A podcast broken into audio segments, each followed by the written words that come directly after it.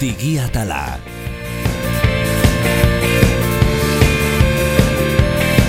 Aipatu ditugu urteko aplikaziorik eh, erabilienak, eh, liberekin, esan digu TikTok izan dela deskargatuena urten, eta orain egoitz, zuk beste ranking bat ekarri nahi diguzu aplikazioekin lotutakoa. Bai, bueno, begiratuet eta aipatu nahi nun baita ere ranking horretan agertzen direla e, hilabetero aktiboenak direnak, azken finean gauza da aplikazioa instalatzea, askok egiten duguna, baina gero igual ez dugu erabiltzen.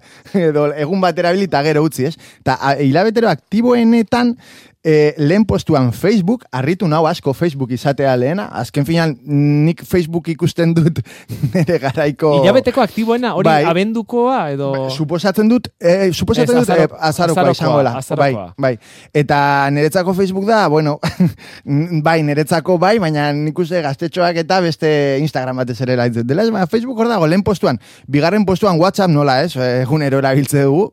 E, irugarren postuan Facebook Messenger, hau da, e, izango litzake WhatsAppa, baina e, Bai, eh, Ameriketan erabiltzen da gehiago. Facebook Messenger da, WhatsAppak duen Messengera. Eh, Bai, WhatsAppa hori da. duen txata. Bai, nolabait txata, hori da, bai. egiteko duen eh, aplikazio hori. Bai. WhatsApp, WhatsAppa bezalako, baina Facebookek ez du. Hori da, eta hori da, eta estatu batuetan erabiltze dute Facebook Messenger. Saiatu zen Facebook, hemen Europan e, jartzen Facebook Messenger, ez zuten lortu, ba, jendeak WhatsApp erabiltzen Baina zulako. hemen ere erabiltzen da, ez? Bai, baina gehiago WhatsApp Bai, erabiltzea, gehiago bai, baina Facebook Messenger ere gutxi bai, baina erabiltzen da. bai, baina nahi zuten indarrasko Bai. hartzea, eta orduan zer egin zuten, ba, WhatsApp erosi, eta listo. hori kuriosoa izan zen, Hori da, mendiaz badator gurera, gu Oh, joango gara. Hori da, hori? Googleek ere asko eitegu. Eta laugarren postuan Instagram, eta fijatzen baseate orduan, esan dugu Facebook, WhatsApp, Facebook Messenger eta Instagram. Lau aplikazioak eta lau goiek Facebook konpainiarenak dira. E, pixkat, harrigarria edo, eh, kontutan bai, hartu beharrekoa. Monopolioa, ez da? Bai. jarri diete, ba, Bai, isun isuna, bat. eh, auzitegietan, esatu batuetan, eta bueno, hor badago soka Bai, luzea, bai, gero aipatuko dugu pixkat konpainia Bai. hauek, baina, eta hoi kuriosoa iruditu zait, aipagarria, ez? E, lau aplikazio gehien erabilienak, eta danak, enpresa berdine, berdinenak, eta danak komunikazioarekin lotuta, eh? Facebook, Messenger, WhatsApp, Instagram, komunikazioari lotuta, eta bueno, Hmm. ez direla, bueno, direla oso erabilgarria gure bizitzarako, baina, bai, hau, eta, eta orain arte urte amaieran inoiz egin ez ditugun eh, gauzak egiten jarraituz, eh, egingo dugu, nola ez, urtero egiten dugun beste gauza bat. Googleen eh, bilaketen rankina, ez? Aurten zer bilatu den gehien eh, Google bilatzailean, Libe, zuk ez dakit aurten zer bilatu duzun gehien? Mm, nik uste dut aurten bilatu duan agin izan da nola egin errevuelta kolektibo bat e, munduan katakrak bat gertatzen da bilenean. Hori Baina guztia jarri duzu bilatzailean? Bai, eta euskaraz jarri du bilatzailean. Baina Googleek ez nahu ulertzen, ez gaitu ulertzen. Gauza simpleagoetara jo da, apur bat, e, nazioartean, eta bilaketa e, zabalduena, dakit sorpresa sarrapatuko zaitxuen, eta zuek zeuek ere bilatu ete dezuen edez, baina izan da, zergatik terminoari lotutakoa. Zergatik e, eta koronavirusa, ezta? E, inoiz baino gehiago galdetu da, zergatik deitzen da e, ba, COVID-19, zergatik da garrantzitsua eskua garbitzea, zergaitik amaitu da komuneko papera, zergaitik daude itxita eskolak, zergatik, zergaitik, zergaitik. Beraz, Eta- zergatik izan da hitzik bilatuena? Hori Zergatik? Zer, erantzunen bila, ez? Hau, Galderaz betetako urtea. E, bilatzaileak erantzun e, aproposak ez dakigu eman ote dituen edo ez, baina bai eman dituna pila bat nazioartean izan dira errezetak. Ze bigarren gauzarik bilatuenetariko bat izan da nola egin ogia. Ara, hau konfinamenduaren... Ondorio garbia da, Ondorio zalantzarik garbia. gabe. Bai, bai. Beraz, eh, galdera existentzial bat batetik, zergatik, eh? hori Ba, Platonek ere galetzen zuen, zergatik, eta gero, ogia nola egin. Eta gero ogia nola egin. Eta ogia nola egitarekin batera, baita ere nola egin musukoak edo maskarillak, e, eta gero badauz gauza kuriosoak, ba, herrialdez herrialde rankinak begiratuta, ezta? E, eta adibidez, Espainian ikusten dugu, asko galdetu eta bilatu dela, noiz irekiko diren ile apaindegiak. E, edo noiz bidaiatu alko dugun. Frantzian egiten badugu bilaketa, ikusten dugu baita ere, e, ba, ez dakit hilearekin zer gertatzen jakun, herrialde mendebaldarra hauetan, baina hilea paindegiekin lotutako bilaketak eta tinte eta metxekin lotutakoak asko izan diala baita ere.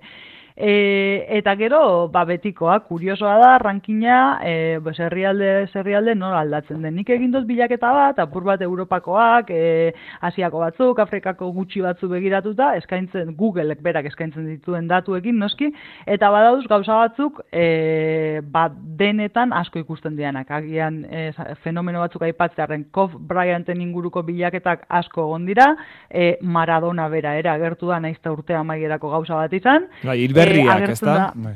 Hori da, agertzen da baita Black Lives Matter mugimentua, agertzen dira Amerika Respatu Batuetako hauteskundeak, agertzen dira eh, asko ikusi diran serie eta pelikulak, eta eta gertzen da e, osasunari lotutako ba, zer da koronavirusa, e, pandemia bat zer da, e, osasun mentalari lotutako bilaketak era gertzen dira leku batzuetan, e, eta eta kuriosoa den arren oso zabaldua da hasieran aipatu dugun e, bi bilaketa nagusi denen e, kutsak. Alde batetik zergatik, hau da zer gertatzen da eta zergatik, eta bestetik nola egin ogia. E, aldatu ogia eta jarri pankeikak, jarri e, pankekea, jarri galetak, e, baina herrialde gehienetan ez dakigu den e, alderak, oza, ekintza autosuficiente bat edo den ekintza bat e, denbora gehiegi daukagunean guretzako, basartzen garela sukaldean eskuak masa artean sartu eta bur bat ezin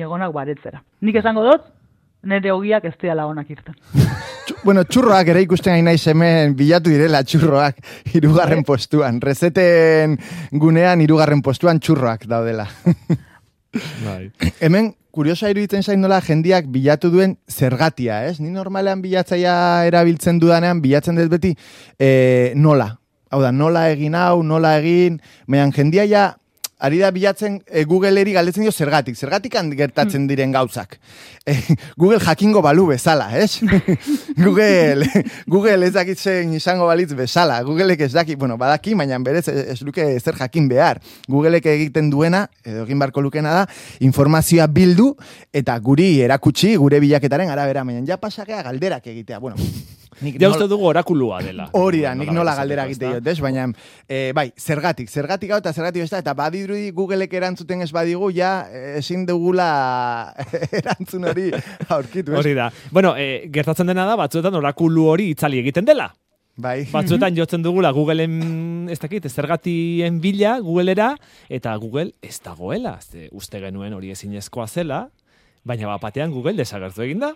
Bai. Astenetan, itzali egin zaigu, zerbitzu osoa erori eginda, eta eta ze pasada egoitz, ze bai. pasada? Bueno, jendearen zorionerako bilatzaia mantendu zan hor, bizirik, baina bapatean, e, abenduaren amalauean, berroge, Googleen arabera berroge eta zazpi minutuz e, egon zian beraien zerbitzuak erorita. Ze zerbitzu? Ba, praktikamente danak. Gmail, egutegia, YouTube, Drive, Drive, danak dana. Eta hor, momentuan, jendea konturatu zan, hor mugimendua zegoen Twitterren, ba, imaginatu ezakezute, ez? Eta jendea konturatu zan, e, leio pribatu bat irekitzen badugu, leio pribatu bat irekitzen dugunean navegatzailean, e, historikoan ez da gordetzen, eta logeatuta gauden web horri aldetan deslogeatuta bezala agertzen gara. Horrek zer esan nahi du? Logeatutako, bai, deslogeatutako horrek? Normalean, ba, e, gemilea sartzen garenean, saioa irekitzen dugu, hau da, gure erabiltzaile eta pasaitza bai. sartzen diogu e, Google Drivea sartzen bagea berdina egiten dugu, ez? Eta normalean saio hori irekita gelditzen da. Gure navegazio osoan. Horregatik, normalean Gmailea sartzen bagera behin, e, gero ez dugu berriro pasaitza eta erabiltzaia sartu behar, normalean Gmailetik ateratzen garenean ez dugulako saioa izten. Badaukagu aukera bat saioa izteko, baina ez dugu hori egiten. Egiten duguna da, e, lehioa itxi zuzenean, baina saioa irekita gelditzen da baina leio pribatu bat irekitzen dugunean saio guztiak automatikoki itxita gelditzen dira. Hau da, ez gaude Gmail barruan, ez gaude Google Drive barruan. Eta kasu horretan, sistema funtzionatzen zuen. E, adibidez, batez ere, bueno, Gmail, e, jartzen zen un gmail.com agertzen zitzaizun e, saio erabiltza eta pasaitza sartzeko aukera, sartzen zenunean errora ematen zizun, beraz. Ezin zenun zure emaila begiratu, baina adibidez YouTube bai. YouTube ikus, e, bideoko, bideoak ikusteko aukera zeneukan. Orduan, zertatzen da, jendeak izan zun, ba, hau ja, e, erabiltzai eta pasaitzarekin kautotze sistemarekin arazoa dago. Eta Googleek konfirmatu egin du aste honetan, arazoa ez egoen kautotze horretan, baina badiru bat zegoela e, biltegiratze sistema eta kautotze hori elkartzen duen sistema edo datu basea modifikatzen ari zirela, eta ba, batean ba... ba hankasartzeren bat izan zuela norbaitek. Hankasartzea ez dute esan, ez dute esan hankasartze bat izan dala. Ez, ez, e, interneten e, azaltzen den bezala, lali hau parda, izeneko bideo horietako batean bezala. Ez norbaitek, norbaitek sakatu zuela behar bada, sakatu beharretzen botoia, eta bidari zuela Google pikutara. Holako zo zer, ez, eh, badirudi sistema aldatzen ari direla, sistema berri batea, eta bapatean espero ez zuten sistema berria martxan jartzea momentu horretan, eta jarri zan, eta dana ez egoen egon behar zuen bezala. Eta nik hemen egiten den gogoeta eta nire iritzi bai, pertsonala da. Bai, hori izan da, pixka bat, nolabait esateko, eh, espaziora bidali zuten Espainia satelite ura bezala, ezta? Eh, norbaitek kableak ez zituela ondo konektatu, kable gorria zulo, zuten, zulo urdinean sartu zuela, bai. kable urdina zulo gorrian, eta satelite guztia pikutara joan zen, atera zen, eta urteetan egindako lana milioika euroko inbertsioak pikutara. Hori esan zuten, nik ezakite hori sinistu, hori esan zutela egia da, ez? Baina, espero dut eta suposatzen dut beste arazo gehiago egotea, ez? Eta, bueno, horren ari da... Ez duke pertsona horren larruan, egon nahiko. Pasaden astean SpaceX kompainia, badakizue Elon Musken kompainia hau, egin zuen egaldi proba bat, koete batzuk egiten ari dira, eta gu etorkizunan bidaiatzeko, egazkinak erabili beharran, koeteak erabili, eta adibidez, Londres, Nueva York, berrogeita mar, berrogeita mar minutu edo, geita minutu zian egingo genuke. Osea, pasada bat. Lenguan proa egin zuten, eta esplotatu zuen baita ere koetea. Baina, bueno, bueno eh, Google era itzuriz, bai, Google era itzuriz, bai. eh, gertatu denak, azken egun hauetan gertatu denak argi utzi du berriz ere, zenolako dependentzia dugun Googleekiko, ez? Bai, nik uste hori Dena da Google, bai, du gure bizitzan, gure egunerokoan. Bai, bagenekin, bagenekin eta askotan esaten dugu hemen, ez? Baina Twitterren eta horrela iritzi nagusiena hori zan, eh? Jende guztiak esaten zuen, banekin, dependentzia menpekotasun bat nekala, baina ez nun espero aina handia izatea. Eta, eta gia da, nik aipatzen nuen artikulu batean ja, imeiak eran ikusteko aukerarik esenun izan. E, Google kalendar ezenukan, beraz, esenekin, sebilera zenitun, bueno, esenekin, hau, esageratuta bueno. da, noski, ez? Baina, bueno, bueno, agian, ez? bai, ez baldi maduzu, barkatu, baina ez baldi maduzu idatziz eh, agenda batean edo eh, leku paraleloren batean edo zerbitzari paraleloren batean bai. gordetzen, ez dakizu. Bai, pixkat, eh, oi da, esageratu Jende askok da ez du idatzizko agendarik. Guri, eh, aurten ere ekarri digute, EITB-ko agenda, 2000 eta bai. batekoa, behar badazken urte izango, eh? ja, jende askok sakelakoan bai, Google kalendaren dugu. sartzen du. Bai. hori desagertzen bada, akabo, zure. Bai, bai, bai. Gure, gure fitxategiak, Google Driveen. Eta kuriosa da gaina Google Drive erabiltzen dugula, hasiera batean Google Drive zertako Dropbox bezalakoa da, guk ditugun fitxategiak, gure ordenagailoan ditugun fitxategiak, sinkronizatuko dira lainoarekin, eta horregongo dira, ba, ba, beskopia bezala edo beste ordenagailu batetikan atzitu izateko. Baina gertatzen dena, jende askok erabiltzen du orain Google Driveek daukan e, formatu bera. Hau da, dokumentu, testu dokumentu bat egiterak orduan ez dugu irekitzen, edo jende askok ez du irekitzen Wordra ez du irekitzen LibreOffice, eta irekitzen du Google Drive daukan bai. formatua, eta fitxategi hori ordenagailuan ikusten. Ez da deskargatzen. Hori da, ordenagailuan mm ikusten dezu, baina... Zerbitzarean ari zara ikusten, Google bai, ari zara ikusten. Bi klik ematen badiozu fitxategi hori, e, Firefox edo Chrome irekitzen da, eta sartzen zara Google Drivea beraz. Egoera horretan ere jendeak ezin zitun bere fitxategiak atzituta. E, arazo handia izan zen berroita zazpi minutu, bakarri, baina arazo handia. Eta orduan, nik e, jendeari galdera bat egiten diot, pentsatzeko. Egunero internet, internet, ez dakitzen bat milioika informazio, ez bat milioika web horri alde ikaragarrizkoa da internet, ez? Baina zertarako erabiltzen dugu internet. Zer egiten dezu interneten? Eh? Orduan, imaginatu, Google erortzen... Bai, baina dena, baina erabiltzezu. Bai, bai, bai, baina erabiltzezu zure korreoa, zure kalendar tal, erosketak Amazonen egiten dituzu askotan, e, baina hiru konpainia dira erabiltzen dituzunak. Google, Amazon, e, Facebook, eta Apple esan dezakegu baita ere hor dagola, baina oie dia, azkenan horiek dia guretzako interneta. Oligopolio bat bai, eta horiek erortzen badia guretzako ja interneta erori da. ja zaukago internetik, ez? Duan, kuriosoa eta alternatibak bilatu behar ditugu, beti esaten dugun bezala, baina hori gertatu zan. Bai. Galdera existenzial bat egin digu egoitzek, bai libe, hor dagoela gakoetako bat, egoitze bota den galdean, zer egiten dugu internet, eta interneten erabiltzen ditugun handi hoiekiko dependentzia, bigarren galdera sartuta, nola e, jeitxi aldugu. Ze gauza bat da, jaustea Google, eta horrek guri bizitzan traba bat eragitea, ez da, pues ezin dugu ezer bilatu, ezin dugu YouTube eh, kontsultatu, baina beste gauza bat da horrek oztopo handiagoak eragitea. Hau da, laneko bilerak, lan dokumentuak, niri driven e, harrapatu zidan, e, geiste, oza, e, Justu. ez, ez funtzionatzea hauek, driven gainera proiektu kolaboratibo batean lanean. Drivek badaukalako esoilik e, egoitzeko onda saldu duen bezala, Dropbox bezala, e, artxiboak lainoan eukiteko modua, baita ere beste erabiltzaile batzuekin kolaboratiboki aritzeko e, aukera ere eskaintzen du, ezta? Orduan, harrapatu zigun Driven kolaboratiboki lanean dokumentu batean eguerdian aurkeztu behar genduna, justu gainera, eta eta momentu horretan esaten duzu zergaitik daukagu lan e, ingurune hau horrela antolatua. Ze badagoz beste alternatiba batzuk e, horren dependenteak ez izateko. Eta orduan, e, apur bat bigarren galdera hori agian egin barko genduk, ez da? Nolakoa da gure dependentzia, badakigu handia dela, baina nola antolatu aldugu dependentzia hori jaisteko. Nola antolatu alduguz lan inguruneak, nola antolatu alduguz gure bilatzaileentzako preferentziak. Eta agian urte hau, e, babiatu dugu atala, rankinak eta aipatuz, bagian urtearen amaiera ere momentu egokia da, urte berrirako asmoetan, ba, dependentziak jaisteko alternatibak txertatzeko. Bai, ni, begira, alternatiba bat botako diot jendeari, naramat ja hilabete bat baino gehiago, igual bi hiru hilabete naramat erabiltzen, beste bilatzaile bat, Google ez dana, Google bilatzailea zana, DuckDuckGo. Tak, tak, eh, eta nola idazten da, duk idazten da, Ba, ate, a- ate, bai. D-U-C-K, bai, D-U-C-K, geo.com. DUCK, DUCK, Com. Eh, Dak, dak, atea, ate. O- Hori da, ata. Bi bai, ate bezala. bai, bai, bai. dak, dak, ate, ate, Dakdak.com, bilatzaile bada, Google bezalakoa, sartzen xaraka hor bilatzen desuna. Eta hori norena da, Hori, ez da, ez da librea, ez da librea. horrek ere izango du Bai, bat. bai, galdera oso ona, zergatik, ez delako librea. Ez delako librea, nik hasiera batean usten un librea zala, baina ez da librea.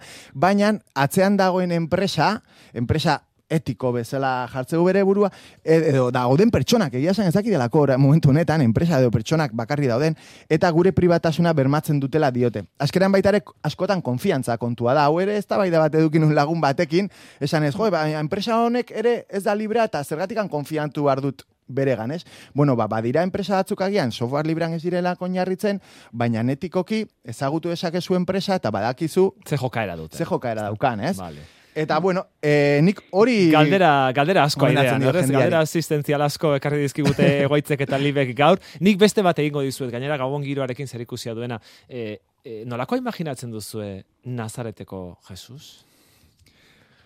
Bueno, ja, imaginatu ez ikusi dut argazkia. bueno, ze, eh, adimen artifizialaren bitartez egin dute Nazareteko Jesusen irudiaren erreprodukzio bat, edo atera dute nolakoa zen.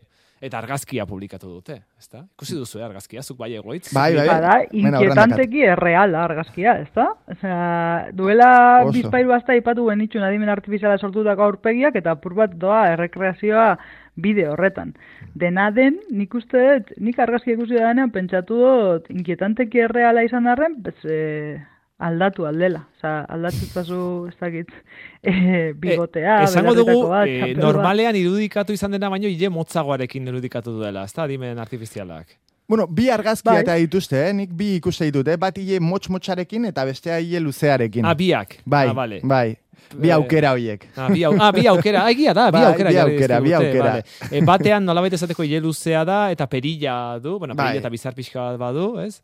E, a, ez dakit, e, gazteagoa dirudi, ile luzekoan, eta bestean, ba, bueno, ba, ile laburragoa du, ez oso laburra, baina bai laburragoa, bizar luzeagoa, e, modernoagoa, nolabait esateko bestea, ezta? Bai. Ja, horietako batek ematen du, ba, behar bada duela bi hamarkadako jebi bat, eta eta besteak ba, gaur egungo moderno bat, ez? Nolabait esateko. Bai, bai, bai.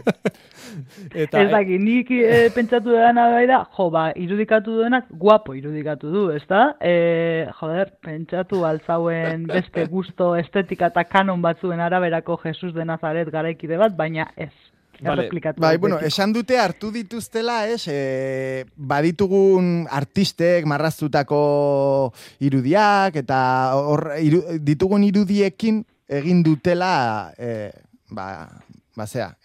E, Nazareteko itxura. Jesus. Errekonstrukzio. bai, Bai, hau egin dute Art Breeder izeneko argazki programaren laguntzaz, eta Eta horrelaxe, ez da, Leonardo da Vinci egin zuen artelana bezalakoak ere hartuz, eta pixkate orain arte egin izan diren irudikapen horiek eh, kontuan izan da. Bai, tresna hori oso interesgarria iruditu zait, sartu naiz ikustea, eta azken finean ematen dizkiozu e, irudi bat baino gehiago, eta nahaztu ditzazke, sistemak nahazten dizkizu irudiak, eta zuk eman dezakezu, ba, bueno, argazki oneri garrantzi handiago bat, beste oneri gutxiagoa, eta bar, eta e, e, aurpegi eta aparte, e, egiteko irudiak, posterrak, eta horrela, e, oso, oso osea, aukera politak daude. Ni jendea sartzeko gomendatzen diet, eta bistazo bat ematea, gustatu zaitu web orrialde hori. Nola da webgunea, zeitzen du? Jo, ba, esakin Eh, nola, dugu- Art Breeder edo nola... Up breather. Art, Bai. Art Art Breeder. Breeder, idazten da A-R-T-B-R-E-E-D-E-R, ba hori jarri. Hori da. Dak dak eh, bilatzaile horretan jarri, Bai, hori da,